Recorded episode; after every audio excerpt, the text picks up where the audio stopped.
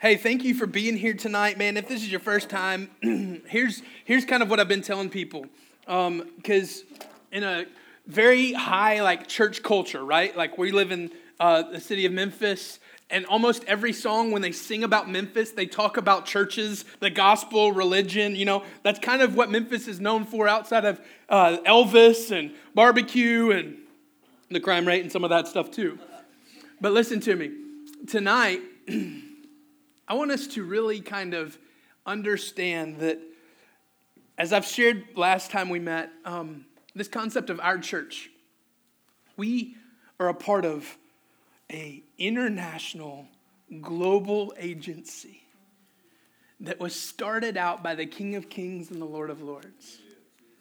And we follow him, and he makes us co laborers with him. And because of that, we are part of our church.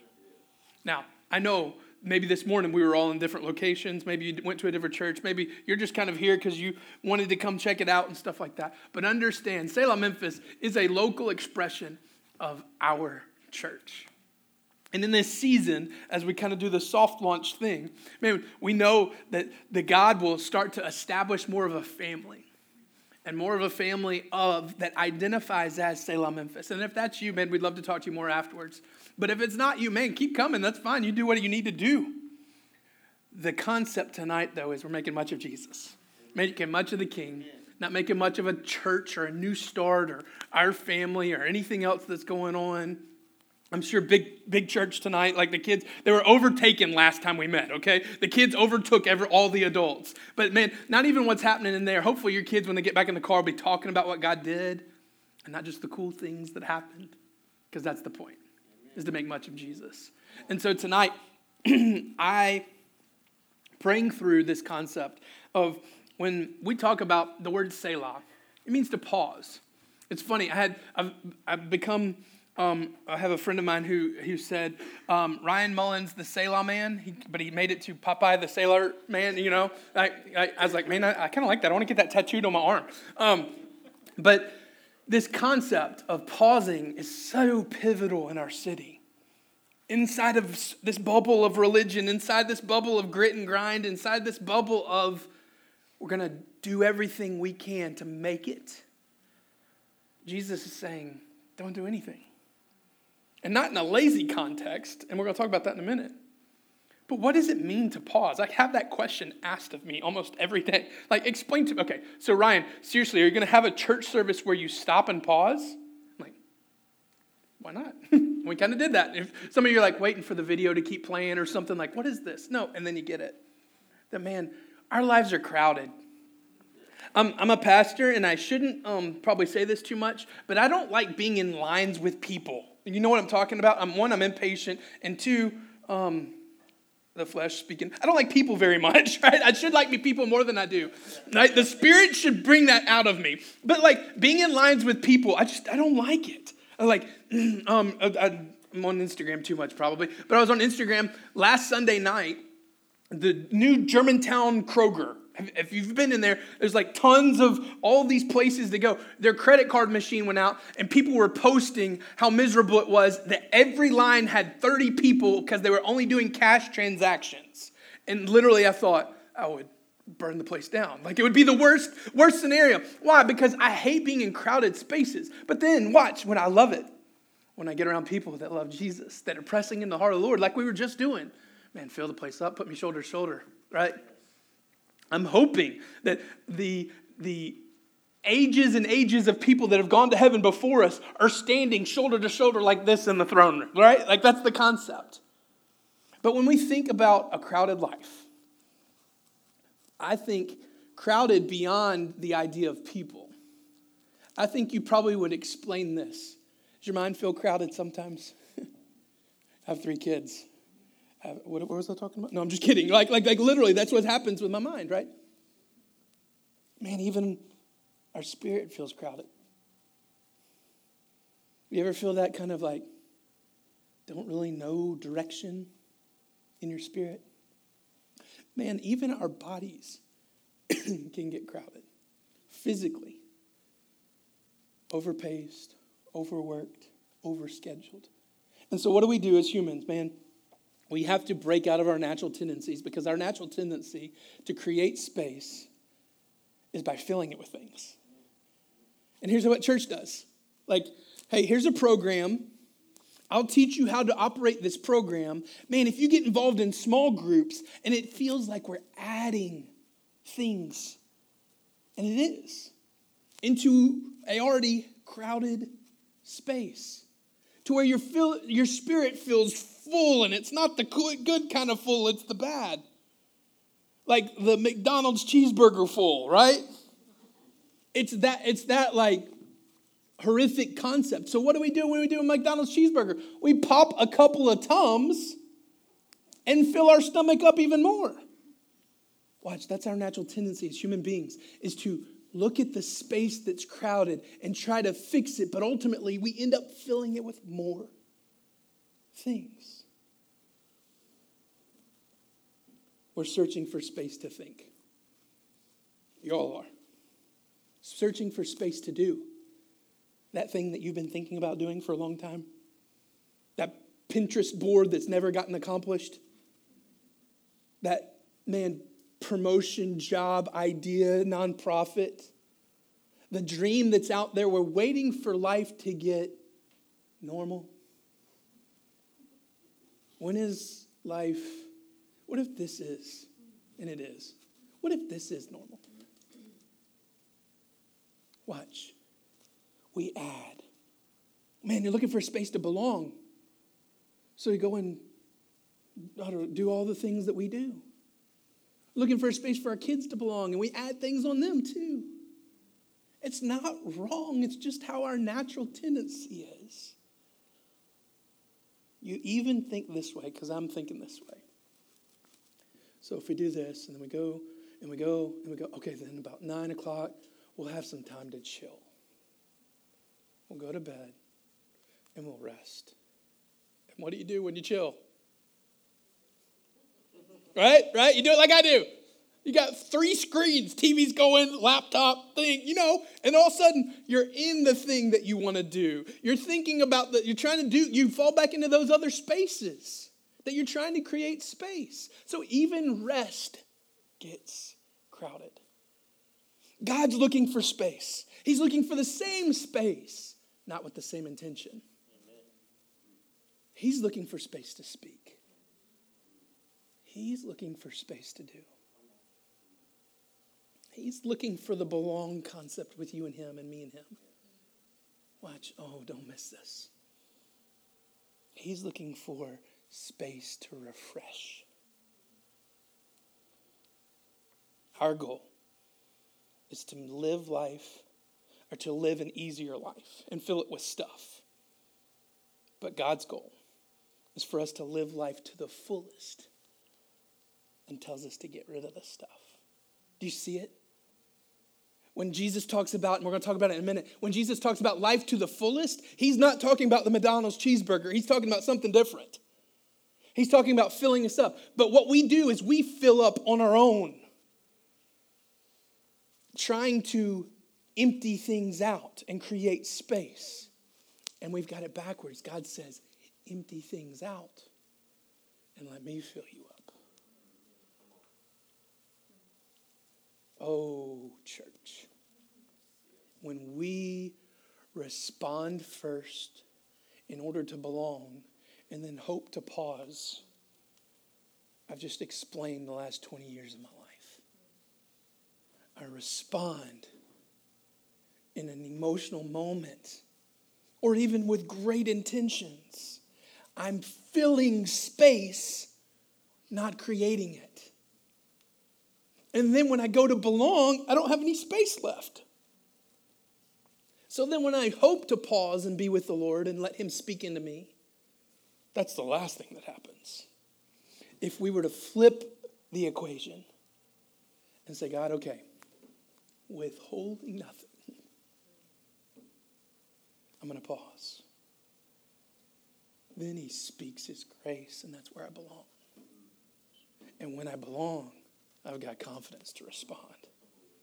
You see, when I'm walking out the door in the morning and my wife says, Hey, you, you look good, I'm strutting out the door. Because I've got a confidence that I belong to her, she belongs to me. And in that gifting of looking good, I walk out with confidence. See, Jesus speaks into us when we pause. He says, Child of the King, heir to the throne, a royal priesthood, a holy nation. And I'm belonging in that relationship. And then he says, And you know what? I got a gifting for you. You're going to lead people, you're going to teach people, you're going to play a guitar. You're going to start things and they won't be able to, people won't understand what they are and then they'll impact for years and years to come. You're going to pour your life into these three kids. Those giftings he gives is how I operate. And life becomes a lot easier because I'm not doing it in my own effort. Watch this.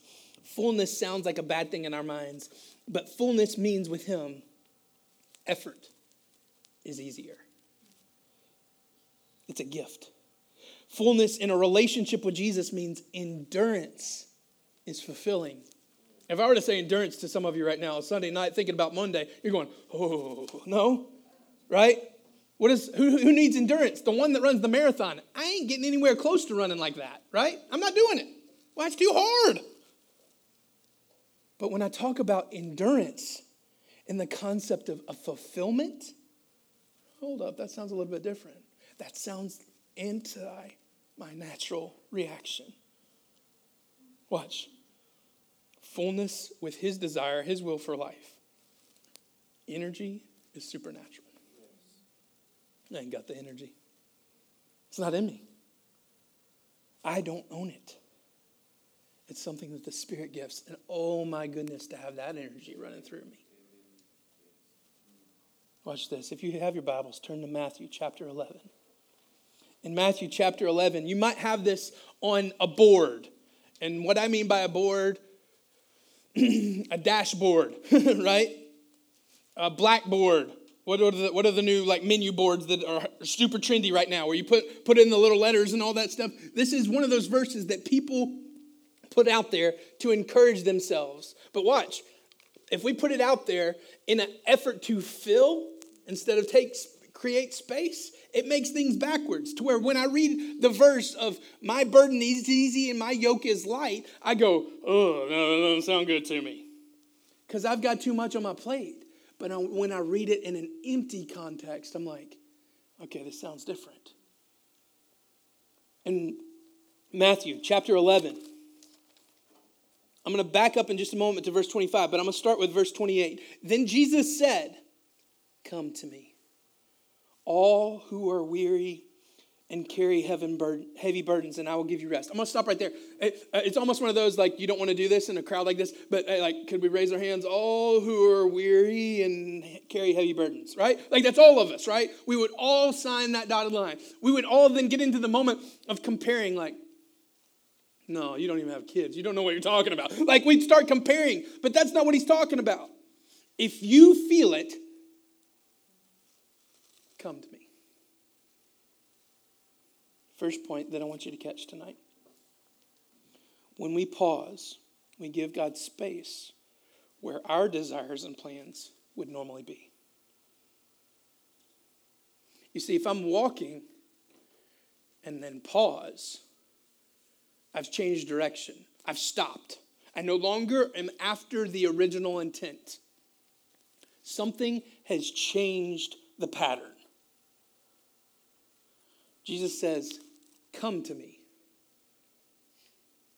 Leave where you are and come over here.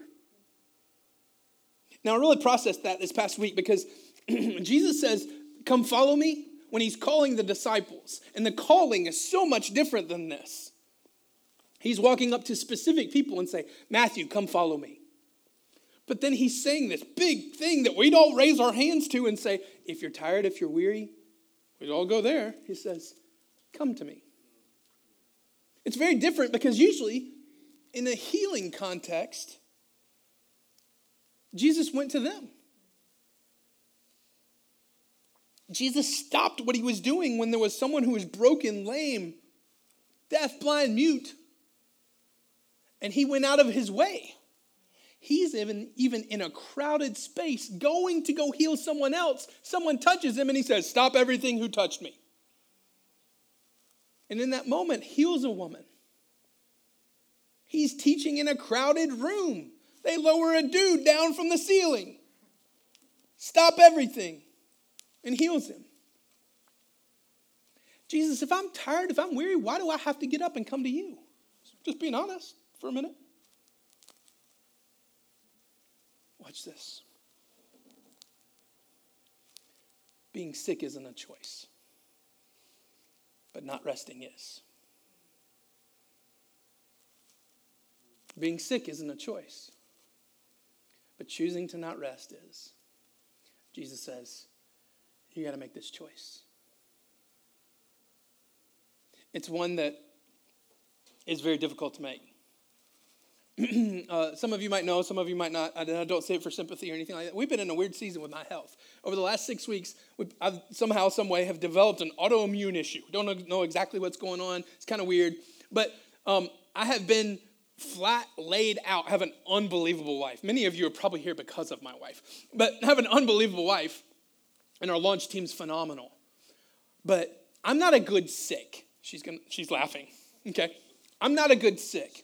And here's the reason why I'm not a good sick I have no control. I have no control, right?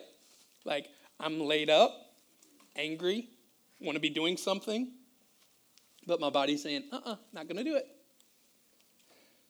When I'm sick, it's not a choice, but when I don't rest, that's idiot Ryan not slowing things down. Watch. That's me filling space that probably shouldn't be filled. And Jesus says, I'm not necessarily going to come to you on this one because you got to make the choice to come to me. Watch. If you back up a couple verses, it says, gives you a little context of who Jesus is talking to. In verse 25, at the same time, Jesus prayed this prayer, O Father, Lord, heaven and earth, heaven of Lord of heaven and earth, Thank you for hiding these things from those who think themselves wise and clever and for revealing them to ch- the childlike. Yes, Father, it pleased you to do it this way. My Father has entrusted everything to me. No one truly knows the Son except the Father. No one truly knows the Father except the Son, and those whom he, the Son chooses to reveal to him. Then Jesus said, For those who are approaching it with a childlike faith, You'll get it. Come to me. And I'll give you rest. See, there's two categories of people listening those who think we've figured out rest, and those who just respond like a child and let the Holy Spirit reveal it to us. I had this really, really cool thought. Anyone have uh, kids that are about to be able to use a fork? Oh my goodness, it's the best day ever, okay? If you're a mom, and uh, we have a couple moms on the launch team that just had babies, they were holding a baby out with the bottle chin thing. You know what I'm talking about? Holding the bottle with the chin, holding the baby, and greeting, hey, welcome to Selah Memphis, doing that number. The moment that the child can hold the bottle by themselves, ooh, that's a good moment. But then, moms, you'll know this. If you've had kids, the moment where every third bite is your own and no longer a child's, you can take, eat, take, eat, instead of going take, spoon into the mouth. Take, and then I'll eat my two, and then spoon in the mouth. That's what happens with little kids, is they don't understand. They can control themselves, and then all of a sudden, that first time that little toddler sticks it and puts it in the mouth, it's celebratory, right? They can eat themselves. That's exactly what Jesus is talking about here. The Holy Spirit reveals that we don't understand this rest. And then, like a child, we respond, and we no longer having to be spoon fed. We can step into the relationship with Him by, hey, come to me. So there's those that do come to Jesus and those that don't come to Jesus. And He qualified them right before those who think they have it figured out. Oh, let us not be those people. Let us walk with childlike faith. And unfortunately, we've created a church culture in the same concept. And hear me say tonight don't eat off of my scraps. I meet with Jesus, but I'm not the Pope. You can meet with him too. and the Lord has given me a gift of teaching, but the Lord hasn't given me a gift of spoon feeding. The concept is you sit and consume. But unfortunately, we've created environments that are welcoming. That's good. And hospitable. That's good. But if the church says, and I'm not knocking any church, I hope that you feel like this is home. But we shouldn't say welcome home when you come into a church building. Your home should be that. Because you've sat with the Lord, you've consumed with the Father, and He's given you that place, wherever your address is, to open your door and say, Hey, welcome home the extension of hospitality doesn't stop in uh, what used to be a bowling alley youth room from Ridgeway Baptist Church. We're very grateful for this, and hopefully you felt welcomed when you came in this place. But oh, you should feel more welcome when you show up to Tamer Lane at my place, when you come into my home, because that's a home. This is just a house of the Lord where we gather and worship. And it should spill out because we're a hospitable people. But beyond that, the extensions of this place, the extensions of home. So we've created a place where you can come and hear from those who have been with Jesus. And that's the antithesis of the gospel. He's saying, No, anyone who's tired and weary can come to me. Watch. those with a real desire to rest with Jesus move. Those that don't understand, stay still and try to look like a source of rest. Let me break that down because that seems strong. Ryan, what are you saying? Watch. In a religious context, I place this facade of who I am up on in front, and hopefully it feels like rest to you and you come up and you receive the benefits of some of the things, the, the programs, the things that we do as a church. But ultimately, that just adds heavy weight into your life. In that context, we push that aside, make much of Jesus, get you connected with Him in an intimate relationship way.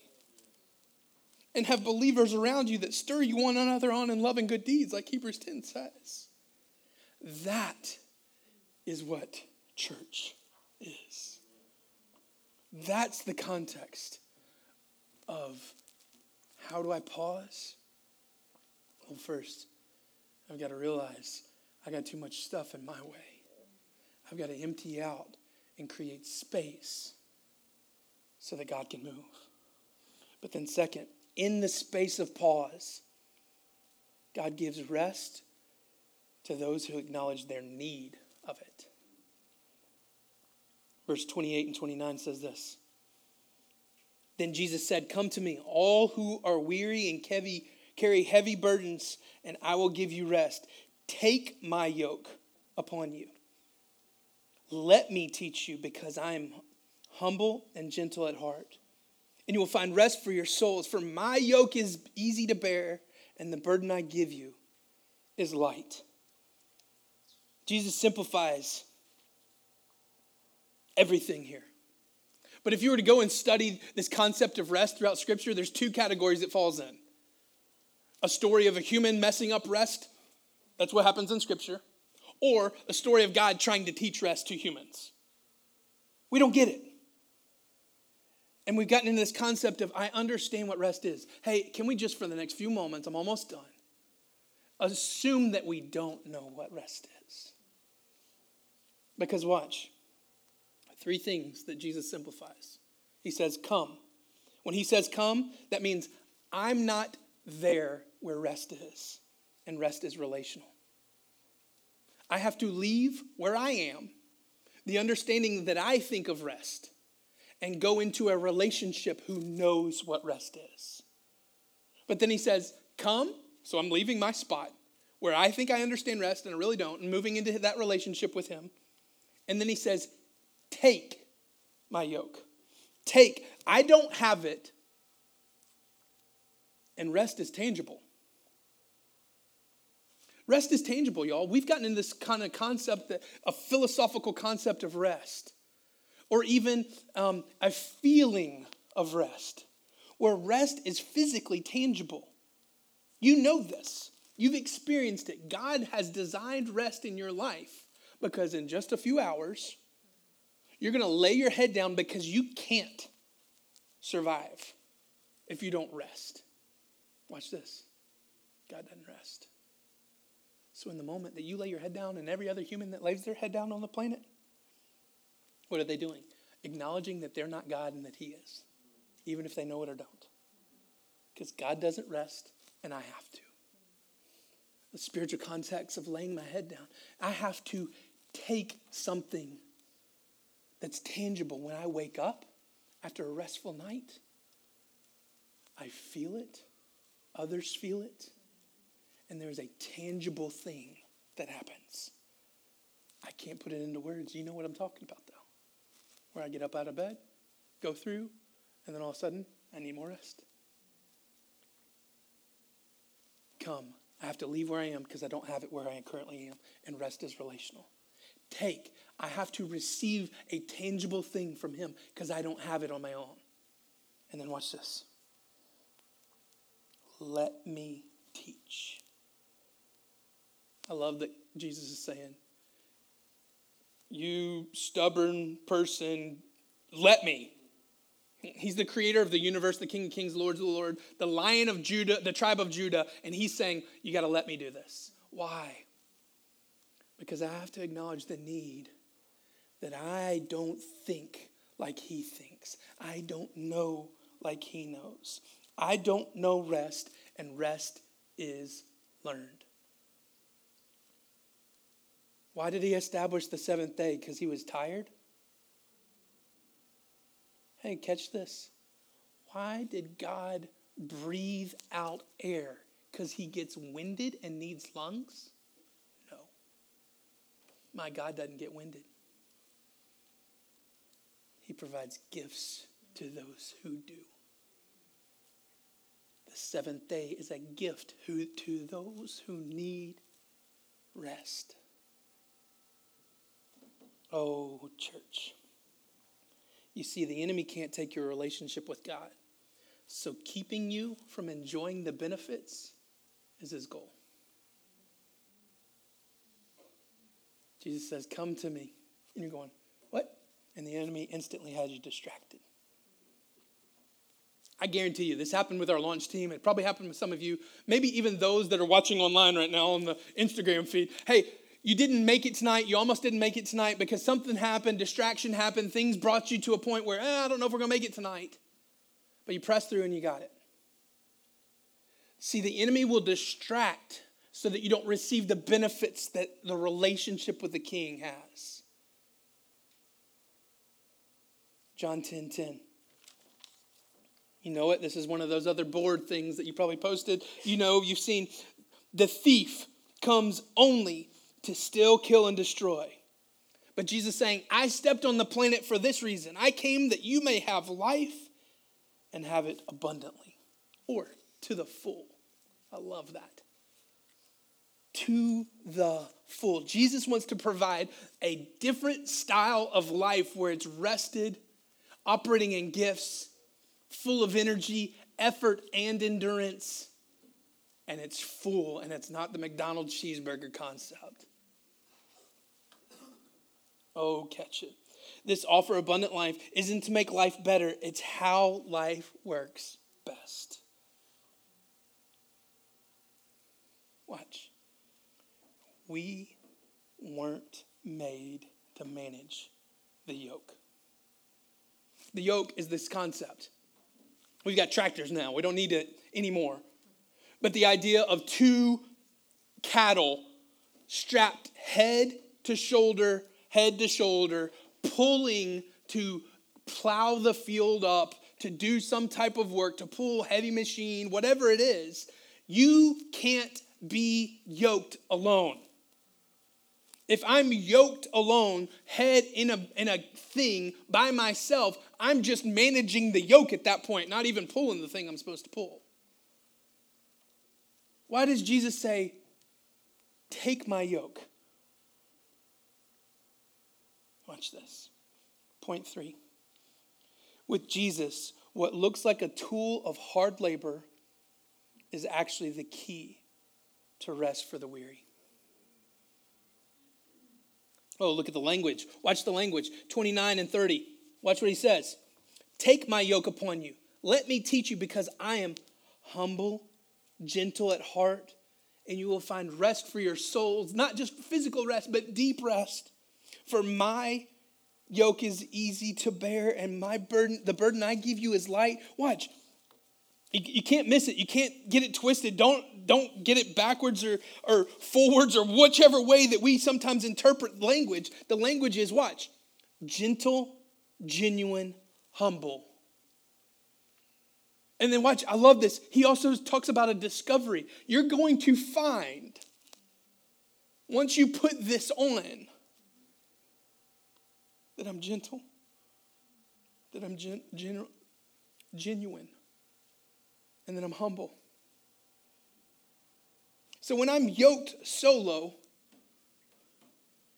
I literally have to try to balance this other thing where someone else is supposed to be pulling. But when I'm yoked to the baddest bull on the planet, when I'm yoked to the lion of the tribe of Judah, the king of kings, the lord of lords, when I'm yoked to that, guess what? It's his work, not mine. Oh, to be on LeBron James basketball team. Right? I could put my hands out and Peyton Manning would hit my hands. Right? I have to do very little. This is the guy that created the language, that created the bull, that created the work, that created the plow, that created the ground. And he's saying, Take my yoke. He's not calling it your yoke, it's not your work. Because I'm gentle. And my yoke provides rest, the thing that we think we don't want. He's saying is the thing that we need. If I'm trying to plow a field by myself, there's no straight line happening. I'm probably not even digging any dirt. But you've done this before because I know. And y'all, this room, these people, you all are evidence of what God's doing to be strapped to the King of Kings and Lord of Lords and be pulling his weight, not him. Watch this. It's always been Jesus' yoke to bear, it's always been Jesus' cross to bear. But he invites me into it. He invites me into the relational context. And when I strap myself to the King of Kings and we start plowing the field, I'll take a break and look back and go, Holy smokes, look at what we got to do. We've said this time and time again.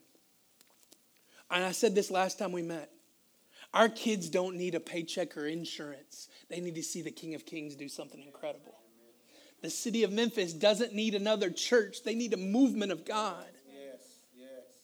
And Selah, Memphis is not any of those other things. I keep saying this it's going to look and feel like church, but once you dive deep, it's going to be something completely different. Because the good stuff that is a part of church is what we experience the worship, the word, the interaction, the relationships. But the foundation, the goal, the desire, and the drive of this local body is to live life open handed. So the King of Kings can pass things off and we can pass them off to others. Please hear. His yoke is easy, and the burden he gives is light. And it's not in the context of, I'm just trading one tool for another. No, he's the one pulling the weight. And we need to pause and allow him to say, Come. Let's interact for a while. Put on this yoke and let me drive. meet with some guys every now and then in discipleship context, and I was kind of sharing them this past Thursday morning. One of them gave a great example. Teaching, we both have sons that are one day apart from each other. Teaching an eight year old, about to be a nine year old, how to cut the grass. It's almost as good as the toddler eating, right? How does dad do it? There's this little bar right here, and there's a bigger bar right here. Man, I just let him put his hands on it to feel it. And I'm pushing. The King of the Kings, the Lord of Lords, calls himself our Heavenly Father. Hey, stop trying to push the lawnmower by yourself. Come put your hands on my lawnmower. And look at what we're about to do. Church, here tonight, how do we pause? We empty. Even the things that we hope wouldn't make life easier. Remember a few years ago when life got easier because of this, and now it's not? Even the things that we fill with obligation, empty it. Give God the space, and then watch.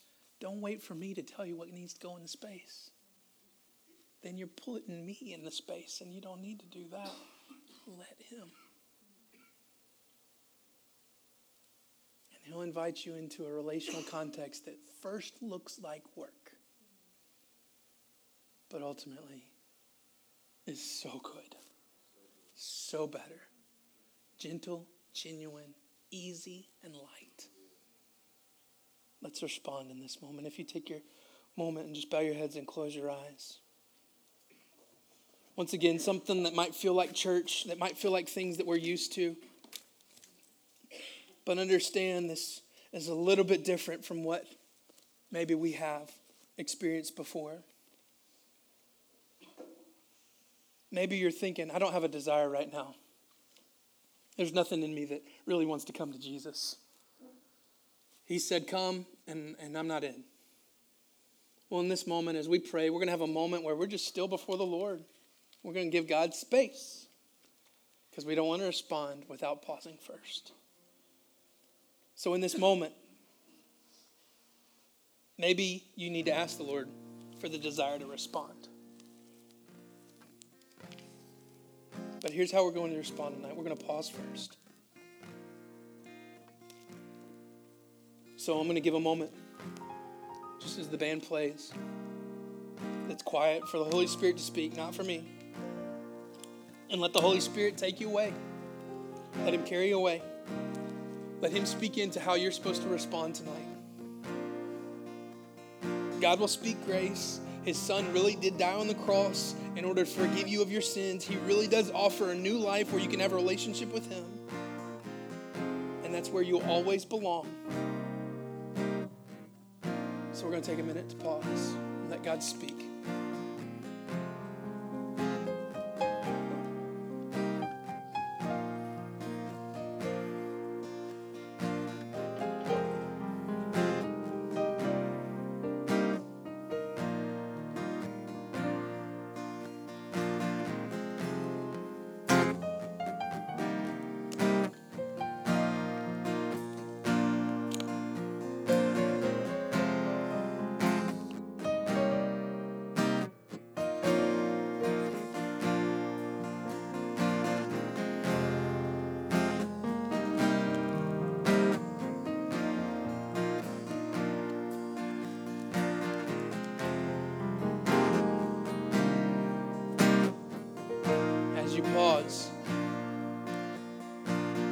Stirring in your spirit.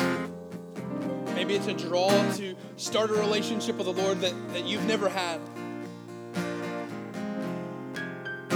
His burden is easy, his yoke is light. But with your heads bowed and your eyes closed, nobody looking around, if you need to start a relationship with the Lord, I'm going to put a, a, a, verse on the screen. Just take a quick, pick, a quick peek at it. I'm going to read it out loud for those of you with your eyes closed. But in Romans 10, verse 8 through 10, it says this. This is what Scripture says God's teaching is near you. It is in your mouth and it's in your heart. It is a teaching of faith that we tell people. If you openly say Jesus is Lord and believe in your heart God raised him from the dead, you will be saved. Yes, we believe this in Jesus deep in our hearts. So we are made right with God, and we openly say we believe him, so we are saved. If that's you tonight, and you've never done that, I want to invite you into a relationship with the King of Kings, the Lord of Lords. I want to strap you to the Lion of Judah. I want to connect you with the Heavenly Father. The creator of the universe desires a relationship with you, and he will save you, he will redeem you, and then he'll make you more like him. So, all you have to do is deep in your heart be willing to say something like this Jesus, I'm a sinner, I need you to save me. And believe that deep in your heart and believe that he is alive today. And in just a moment, we're going to stand and sing. There'll be some of our team in the back with lanyards on. And if you want to make that open confession, just like that verse said, please go back and talk to somebody. King Jesus, we worship you now, withholding nothing. Everything's on the table, God. We are so grateful for who you are. And we worship you in spirit and truth. In Jesus' name, amen. Let's stand and worship.